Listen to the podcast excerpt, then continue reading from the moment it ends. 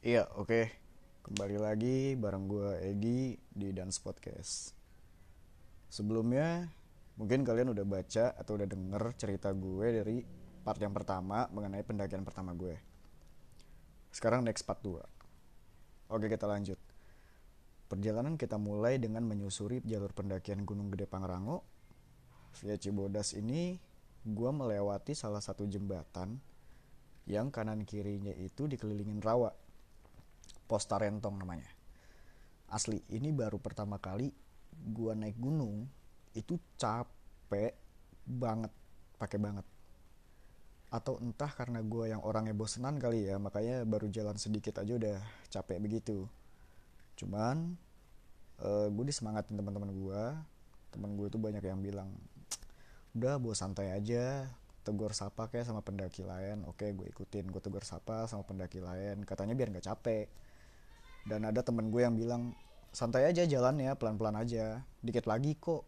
Ya meskipun gue tahu dia bohong gitu. Gue tahu kok kalau itu masih jauh. Uh, akhirnya setelah 30 menit jalan gak berasa itu gue udah sampai di tempat yang namanya rawa panyancangan. Gue kira tuh di rawa panyancangan itu udah masuk jalur hutan kan dan ternyata belum. Karena pas gue tanya ke teman-teman gue dan gue lihat pun di sana masih banyak wisatawan yang mau ke arah Curug Ciberem. Itu di Taman Nasional Gunung Gede Pangrango. Dalam hati gue anjir masih jauh cok. Ya udah karena toh itu juga masih pagi gue nggak mau banyak ngeluh mending gue lanjutin jalan kan. Uh, udah gue jalan dengan santainya. Akhirnya gue capek tuh. Akhirnya gue capek jujur aja gue saat itu banyak banget bahkan sering banget istirahat. Karena ya itu pendakian pertama kan. Akhirnya gue mutusin buat istirahat. Beberapa temen gue juga ada yang ya santai-santai ngobrol-ngobrol sambil ngerokok. Karena saat itu gue belum ngerokok jadi gue cuman makan coki-coki doang. Setelah 10 menit break akhirnya kita lanjut jalan. Kita lanjut jalan karena waktu itu gue juga bawa carrier yang cukup ringan jadi oke okay lah gue jalan rada cepet gitu Kira-kira dalam waktu 40 menitan, akhirnya gue nyampe di pos Rawadenok 1. Gue nggak tahu itu pos, itu pos berapa, atau gimana gue nggak ngerti karena saat itu gue perdana banget. Tapi ya kira-kira orang bilangnya begitulah. Nah, sampai di pos Rawadenok itu, gue pun minta istirahat lagi untuk ngelurusin kaki doang sih. Ngelurusin kaki doang, gak ngapa-ngapain. Ya, kurang lebih 5 menit lah duduk-duduk nggak jelas gitu-gitu doang. Setelah gue ngerasain lebih oke okay, ya gue jalan lagi. Perjalanan kita lanjutin. Gue jalan di tengah. Saat itu gue jalan di tengah karena gue mikir kalau gue jalan di belakang itu pasti ketinggalan. Dan ketika jalan di depan gue nggak tahu rutenya gue nggak tahu jalurnya gitu kan. Akhirnya ya udah gue jalan di tengah. Tiba-tiba ketika arah kita mau ke pos mata air panas nih kaki gue salah ambil pijakan yang ngebikin gue sedikit atraksi. Dalam tanda kutip gue jatuh. Emang gak begitu sakit sih ya tapi malu lah. Ya udah gue akhirnya minggir gue buka sepatu dulu kan gue ngolesin minyak urut ke kaki gue memang saat itu gue bawa minyak urut. Sambil nungguin gue ngolesin minyak urut ke kaki beberapa teman gue itu ngerokok lagi.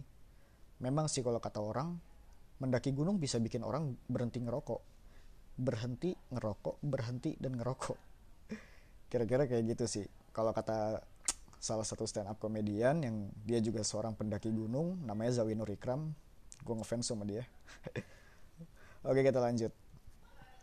Setelah selesai gue ngolesin kaki segala macem dan teman-teman gue juga selesai sebat keril kembali gue angkat. Perjalanan pun gue lanjutin. Dan kali ini trek bener-bener nyiksa. Karena kala itu gue jalan di trek yang konturnya tanah berbatu dan akarnya gede-gede. Gue sempat berpikir anjir lah gue nggak mau lanjut gue mau pulang gue mau pulang gitu. Tapi teman gue selalu bilang tanggung Gi. Udah setengah jalan. Dikit lagi kok dikit lagi kok dikit lagi kok. Itu yang selalu mereka bilang. Ya oke okay. gue nggak mau banyak terlalu mikir panjang nggak mau banyak ngeluh juga. Ya udah gue lanjutin jalan tetapi selama di dalam hutan itu selama gue masuk kawasan hutan ya ada beberapa kejadian yang bagi gue nggak masuk akal tapi itu terjadi. Contoh ketika gue mau perjalanan ke pos kandang badak waktu itu kalau nggak salah itu di pertengahan jalan gue ngedenger kayak ada orang manggil nama gue Egi itu tapi begitu gue nengok itu orangnya nggak ada. Gue nanya dong ke teman-teman gue lu manggil gue nggak sih? Lu manggil gue nggak sih tapi dari mereka nggak ada yang ngaku. Bilangnya enggak gue nggak manggil gue nggak manggil. Ya di situ memang bukan tim gue doang. Cuman logikanya begini loh. Siapa sih yang manggil gue dan tahu nama gue selain teman-teman gue gitu. Kan nggak ada. Oke akhirnya ya udahlah mungkin gue halu karena gue kecapean gue lanjut jalan. Perjalanan itu tujuannya adalah ke pos kandang batu atau kandang badak gitu yang bisa ditempuh dalam waktu sebenarnya sih kalau kata orang satu jam atau satu jam setengah. Cuman ini gue sampai dua jam lebih. Emang lama banget karena ya emang gue jalannya pelan saat itu. Gak kerasa nih udah mau jam 12 siang. Jam 12 siang lewat dikit lah. Kita break di sebelum pos kandang badak nih. Sekedar ngopi-ngopi dan makan siang. Pastinya makannya mie rebus. Karena saat itu emang ya untuk makan-makan saat isoma kayak gitu gue mutusin buat makan mie rebus. Teman-teman gue juga gitu kan Oke kita bagi-bagi tugas. Ada yang masak nasi dan ada yang masak mie. Kali ini gue kebagian dapat masak mie nih. Akhirnya gue masak mie dan setelah mie mateng tinggal nunggu nasi. Tinggal nunggu nasi mateng kan. Gak sadar gue ketiduran Karena mungkin memang udah kecapean banget. Akhirnya gue pun kebangun. Gue kebangun karena kedinginan. Karena saat itu siang dan kabut naik. Jadi ya gue kedinginan akhirnya gue kebangun ya udah tuh gue gue buru-buru makan udah selesai makan kita prepare masukin barang-barang yang tadi kita pakai ke carrier beresin sampah segala macem kita lanjut jalan. Dan temen gue bilang kayak gini ke gue e, lu jangan banyak bengong Gi. Banyakin gerak jangan sampai lu halusinasi lagi takutnya lu habis kena hujan kedinginan gitu takutnya kena gejala hipotermia karena kedinginan. Ya udah oke. Okay. akhirnya gue jalan dan ya gue nyanyi nyanyi nggak jelas ngobrol-ngobrol nggak jelas. Kadang apa aja gue obrolin. Karena ya gue nggak mau nggak mau gue sampai ngeblank nggak mau gue sampai bengong gitu kan. Dan ketika gue baru 20 menit berjalan cuaca yang awalnya cerah itu hujan mendadak. Dan hujannya gede banget lebat banget. Itu hujan akhirnya kita ngeluarin raincoat segala macem kan kita pakai jas hujan ya udah oke beres kita jalan lagi. Dan so, saat itu posisi gue sangat ngedrop. Bukan sekedar drop di fisik aja tapi gue drop di mental. Akhirnya temen gue nyemangatin gue ayo dikit lagi dikit lagi. Kita sampai campground kok dikit lagi. Oke akhirnya yaudah gue jalan jalan jalan. Setelah sekian lama gue berjalan nih gue sampai di satu tempat yang di sana rame banget. Banyak banget orang. Ternyata tujuan kita ngecamp adalah di sana yaitu camp area kandang badak. Gue nggak ngerti kenapa namanya kandang badak apakah dulu di sana banyak badak atau gimana gue nggak tahu. Tapi di sana ramai banget itu banyak tanda eh, tenda-tenda orang warna-warni gitu. Dan ya bagi gue yang pertama kali ngelihat momen itu ya pertama kali yang ada di pikiran gue oh gini ya orang ngecamp tuh asik loh. Ya udah akhirnya kita naruh carrier duduk sebentar setelah kita naruh carrier itu kita duduk. Dan lagi-lagi beberapa teman gue mungkin ada yang ya nahan asem dan dia ngerokok lagi. Sampai akhirnya kita mutusin ya udah yuk kita bikin tenda biar cepat istirahat cepat makan. Jadi kita bagi tugas ada yang mak ada yang masak ada yang bikin tenda. Saat itu gue kebagian untuk bantuin masang bikin tenda. Oke setelah kita bikin tenda beres uh, eh, gue bilang ke temen gue gue capek banget nih gue pengen tidur. Gue istirahat duluan ya. Ya udah akhirnya gue tidur tuh tapi teman gue masih lanjut masak.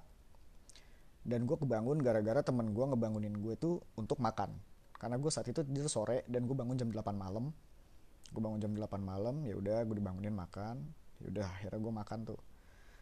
Sambil makan kita kan ada ngobrol-ngobrol nih. Gue pun buka topik nih mengenai apa yang gue alamin tadi siang. Jadi gue bilang ke temen gue bahwa gue ngedenger suara ada yang manggil gue. Tapi temen gue langsung bilang, nanti aja ceritanya di rumah, jangan di sini. Ya udah. akhirnya gue lupain tuh cerita dibiarin obrolan pun dilanjut sambil ngopi-ngopi kita ngobrol-ngobrol teman gue langsung bilang gini jam 9an kita tidur ya soalnya jam 3 kita summit. Gue kaget dong saat itu. Hah? Jam 3 apa nih? Jam 3 sore? Kata dia jam 3 subuh. Wah gila sih. Saat itu aja jam-jam 8 tuh udah dingin banget. Gue nggak ngebayang tuh kalau kita harus keluar tenda jam 3 subuh. Cuman ya udahlah kata gue yaudah ayo akhirnya kita tidur. Tidur tidur tidur tidur. Tiba-tiba gue kebangun sama temen gue yang bilang Gi ayo bangun. Udah jam 3 kita summit ya udah tuh saat itu gue ya lap-lap muka dikit terus gue pakai jaket siap-siap kan pakai jaket celana gunung sepatu sama sarung tangan segala macem. Dan ketika gue buka tenda gue nggak percaya sama apa yang gue lihat. Di luar sana udah banyak banget cahaya headlamp dari para pendaki yang mau summit ke puncak. Akhirnya gue gue kira tuh gue cuma serombongan gitu kan ternyata rame. Nah akhirnya ya udah gue siap-siap tuh kita bikin lingkaran kita berdoa bareng-bareng dan di sinilah perjalanan sebenarnya dimulai. Gue mulai deg-degan gue mulai deg-degan parah gue takut tapi gue penasaran. Cuman ya yang terpikir sama gue saat itu oke okay, gue bisa. Gue bisa gue mampu dan gue harus bisa. Udah gue nggak mau terlalu takut gue mau terlalu mikirin yang aneh-aneh ya udah. Bismillah gue jalan. Gini loh gue adalah tipikal orang yang takut ketinggian. Makanya gue takut tuh saat itu. Tapi ya udahlah gue lanjut jalan. Gue melangkah pelan-pelan. Gue ngelawan rasa mager ngantuk lapar segala macem dan dingin kan. Jaket yang gue pakai tuh udah tebel banget tapi sama sekali nggak mempan buat ngelawan dinginnya udara di pagi itu. Trek makin nyiksa kaki sampai nggak berasa saat itu asli first time gue ya nangis lah.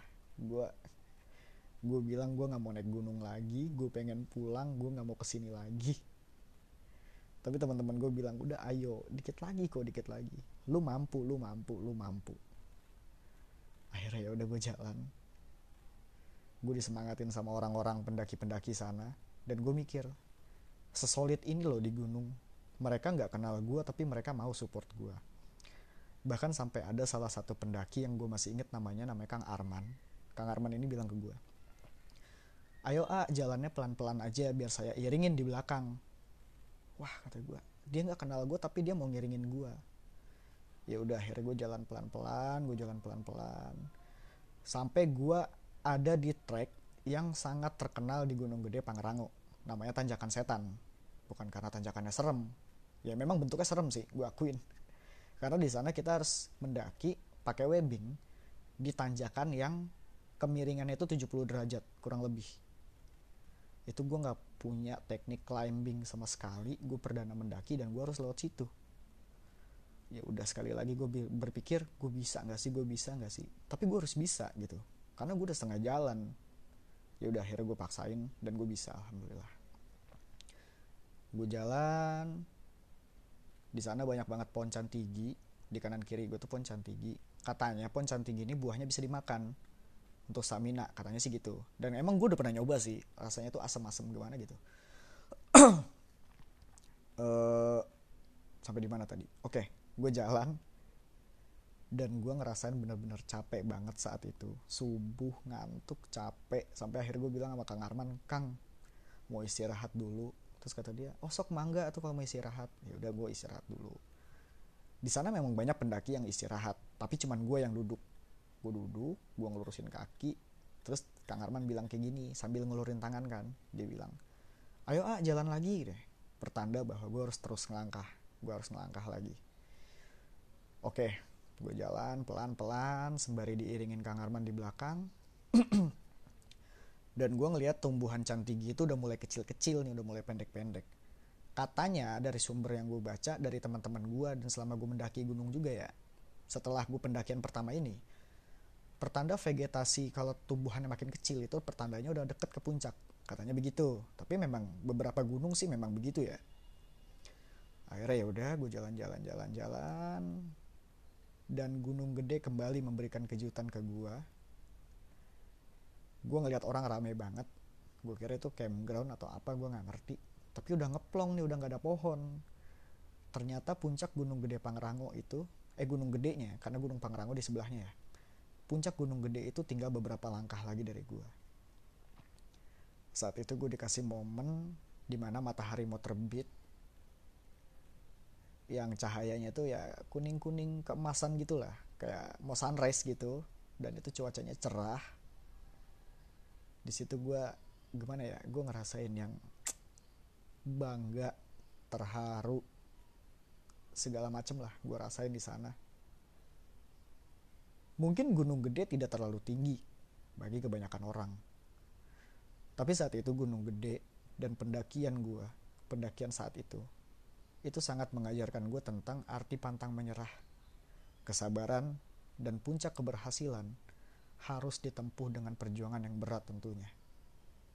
Di sini gue juga belajar tentang solidaritas, kemandirian, dan setelah itu gue sampai di puncak Gunung Gede dengan segala perjuangan berat ini itu segala macam ya gue lewatin.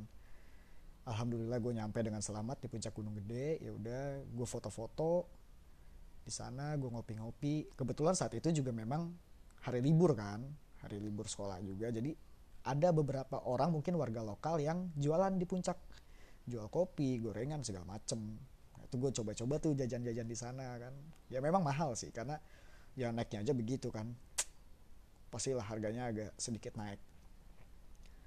Tapi wajar sih kalau untuk tempat wisata kayak begitu jajanan pasti mahal. Akhirnya setelah seremonial lah ibaratnya di atas gue mutusin untuk turun kita turun alhamdulillah turun dengan selamat sampai di camp kandang badak tadi. Untuk selanjutnya kita istirahat dan turun besok pagi. Dan besok paginya saat kita turun alhamdulillah perjalanan semuanya lancar sampai kita ke base camp bahkan sampai kita balik ke rumah kita masing-masing.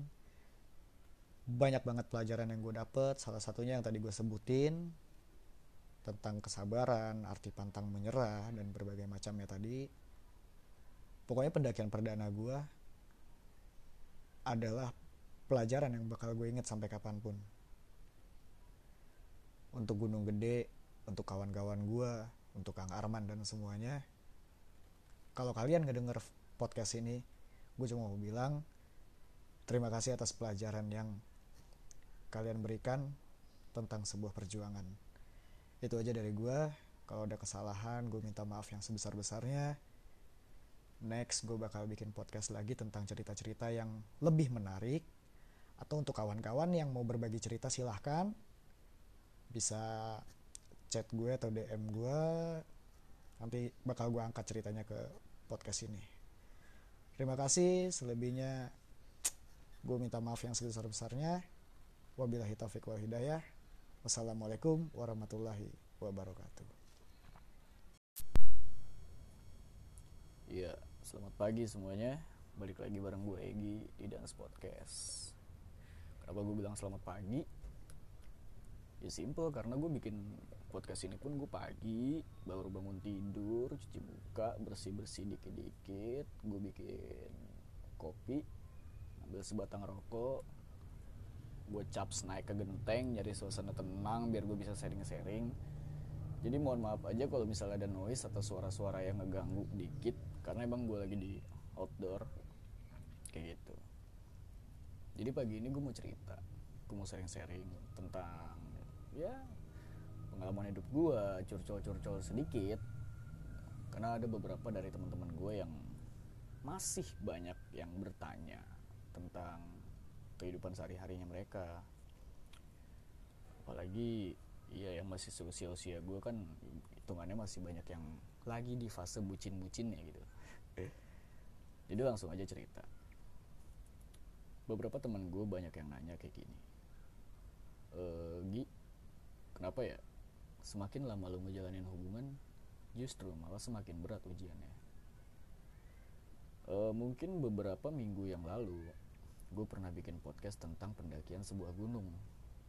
Pendakian pertama gue dari pelajaran itu gue ngambil kesimpulan bahwa saat gue mendaki gunung tersebut ketika gue mau menggapai puncak. Justru tanjakan di dekat puncak lah yang mendekati ke puncak itu yang paling terjal yang paling sulit yang paling nyiksa. Jadi intinya gimana?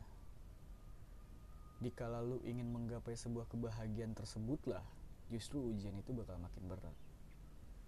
Kenapa gue bisa punya statement kayak gini? Karena begini men gue cerita sedikit aja. Atau bahkan jadi cerita banyak sih. Gue punya cewek.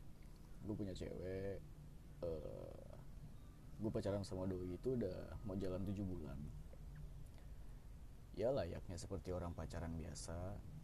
Dikala gue PDKT itu masih suka bercanda bareng, suka ketawa-ketawa bareng, masih suka ngelakuin hal-hal random berdua bareng, bahkan ngedate pun dadakan suka suka bareng gitu, kayak jalan yuk, jalan ke mana? Udah jalan aja, masalah ke mana nanti kita pikirin. Oke gas, suka-suka masih kayak gitulah. Ketika gue dipac udah pacaran di bulan pertama, bulan kedua, bulan ketiga, semua masih baik-baik aja.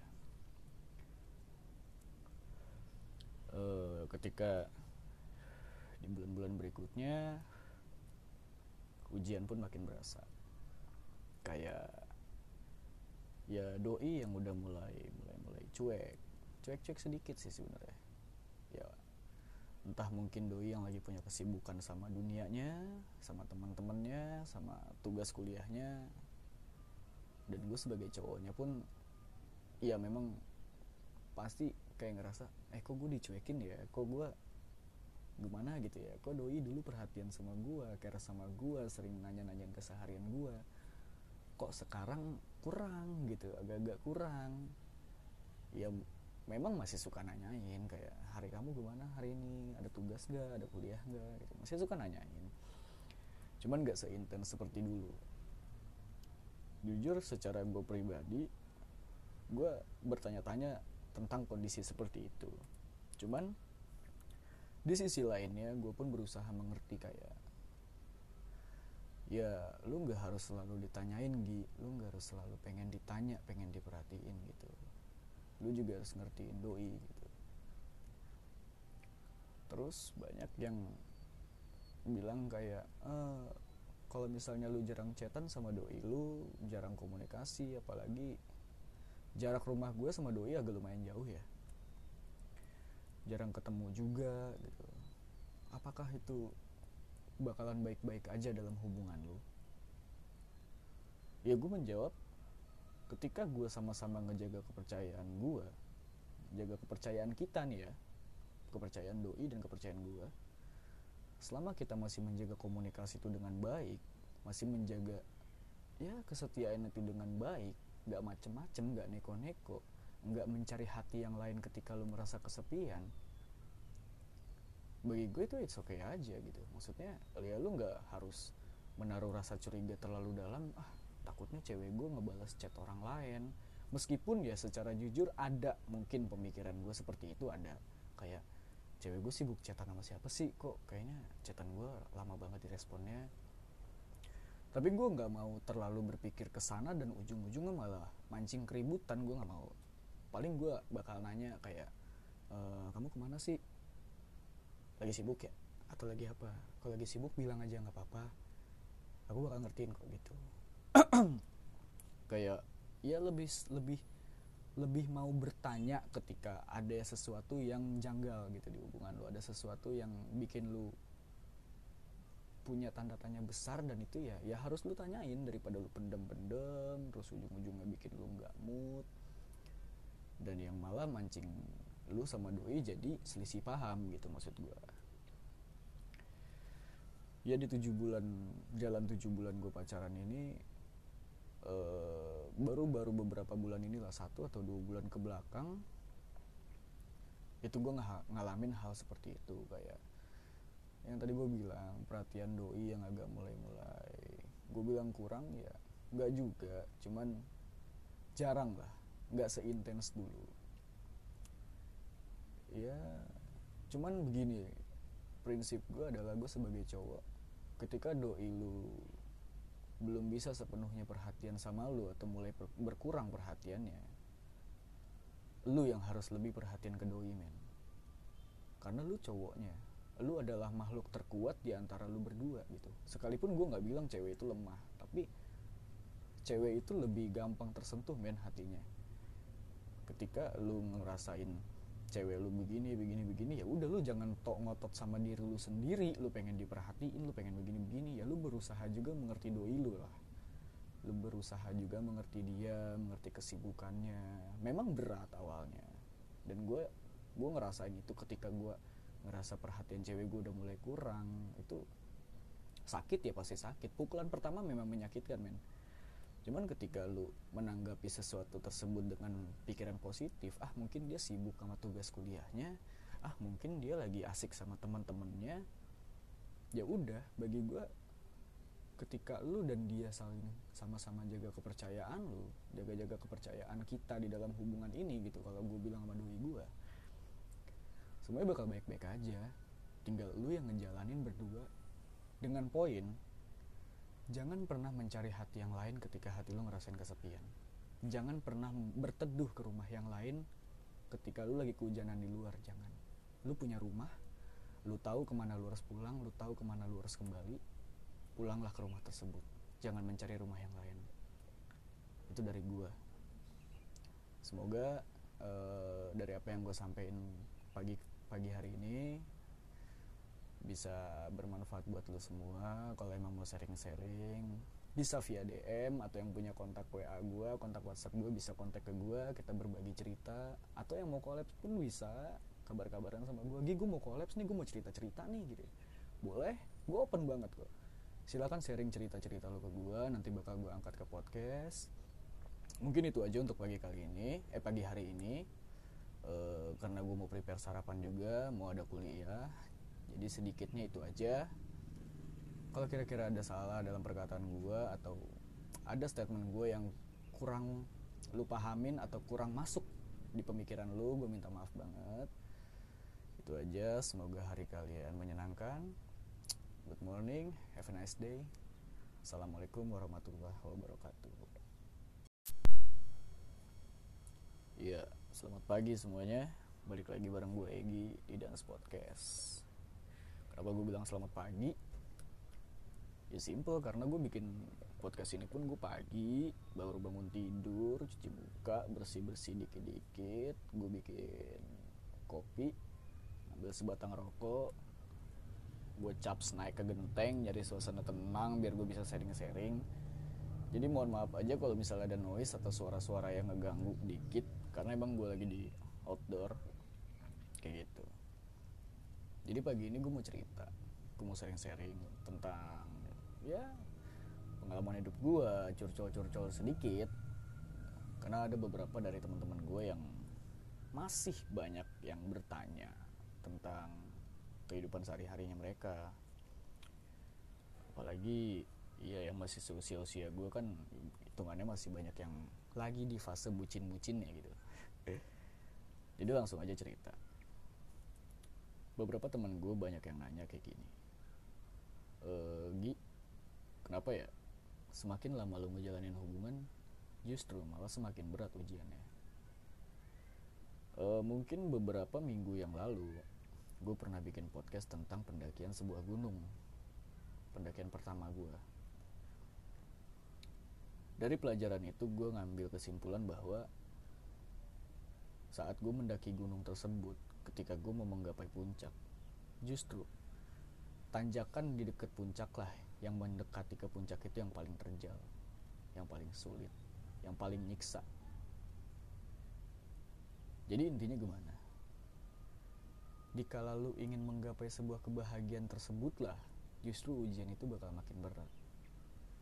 Kenapa gue bisa punya statement kayak gini? Karena begini men. Gue cerita sedikit aja atau bahkan jadi cerita banyak sih. Gue punya cewek. Gue punya cewek uh, gue pacaran sama doi itu udah mau jalan tujuh bulan. Ya layaknya seperti orang pacaran biasa.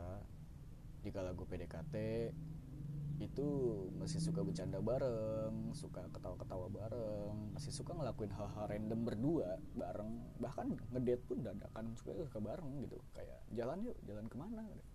Udah jalan aja masalah ke mana nanti kita pikirin. Oke gas. Suka-suka masih kayak gitulah. Ketika gue dipac udah pacaran di bulan pertama bulan kedua bulan ketiga semua masih baik-baik aja. Uh, ketika di bulan-bulan berikutnya ujian pun makin berasa. Kayak ya doi yang udah mulai mulai mulai cuek cuek cuek sedikit sih sebenarnya. Ya entah mungkin doi yang lagi punya kesibukan sama dunianya sama teman-temannya sama tugas kuliahnya. Dan gue sebagai cowoknya pun ya memang pasti kayak ngerasa eh kok gue dicuekin ya? Kok gue gimana gitu ya? Kok doi dulu perhatian sama gue care sama gue sering nanya-nanyain keseharian gue? Kok sekarang kurang gitu agak-agak kurang? Ya memang masih suka nanyain kayak hari kamu gimana hari ini? Ada tugas gak ada kuliah gak gitu. Masih suka nanyain. Cuman gak seintens seperti dulu. Jujur secara gue pribadi gue bertanya-tanya tentang kondisi seperti itu. Cuman di sisi lainnya gue pun berusaha mengerti kayak ya lu nggak harus selalu ditanyain Gi. Lu nggak harus selalu pengen ditanya pengen diperhatiin gitu lu juga harus ngertiin doi gitu. Terus banyak yang bilang kayak e, kalau misalnya lu jarang chatan sama doi lu jarang komunikasi apalagi jarak rumah gue sama doi agak lumayan jauh ya. Jarang ketemu juga gitu. Apakah itu bakalan baik-baik aja dalam hubungan lu? Ya gue menjawab ketika gue sama-sama ngejaga kepercayaan gue jaga kepercayaan kita nih ya kepercayaan doi dan kepercayaan gue selama kita masih menjaga komunikasi itu dengan baik masih menjaga ya kesetiaan itu dengan baik nggak macem-macem nggak neko-neko nggak mencari hati yang lain ketika lu merasa kesepian bagi gue itu it's okay aja gitu. Maksudnya ya lu nggak harus menaruh rasa curiga terlalu dalam ah takutnya cewek gue ngebalas chat orang lain. Meskipun ya secara jujur ada mungkin pemikiran gue seperti itu ada. Kayak cewek gue sibuk chatan sama siapa sih? Kok kayaknya chatan gue lama banget diresponnya tapi gue nggak mau terlalu berpikir ke sana dan ujung-ujungnya malah mancing keributan gue nggak mau. Paling gue bakal nanya kayak e, kamu ke mana sih? Lagi sibuk ya? Atau lagi apa? Kalau lagi sibuk bilang aja nggak apa-apa. Aku bakal ngertiin kok gitu kayak ya lebih lebih lebih mau bertanya ketika ada sesuatu yang janggal gitu di hubungan lu. Ada sesuatu yang bikin lu punya tanda tanya besar dan itu ya ya harus lu tanyain daripada lu pendem-pendem terus ujung-ujungnya bikin lu nggak mood. Dan yang malah mancing lu sama doi jadi selisih paham gitu maksud gue ya di tujuh bulan jalan tujuh bulan gue pacaran ini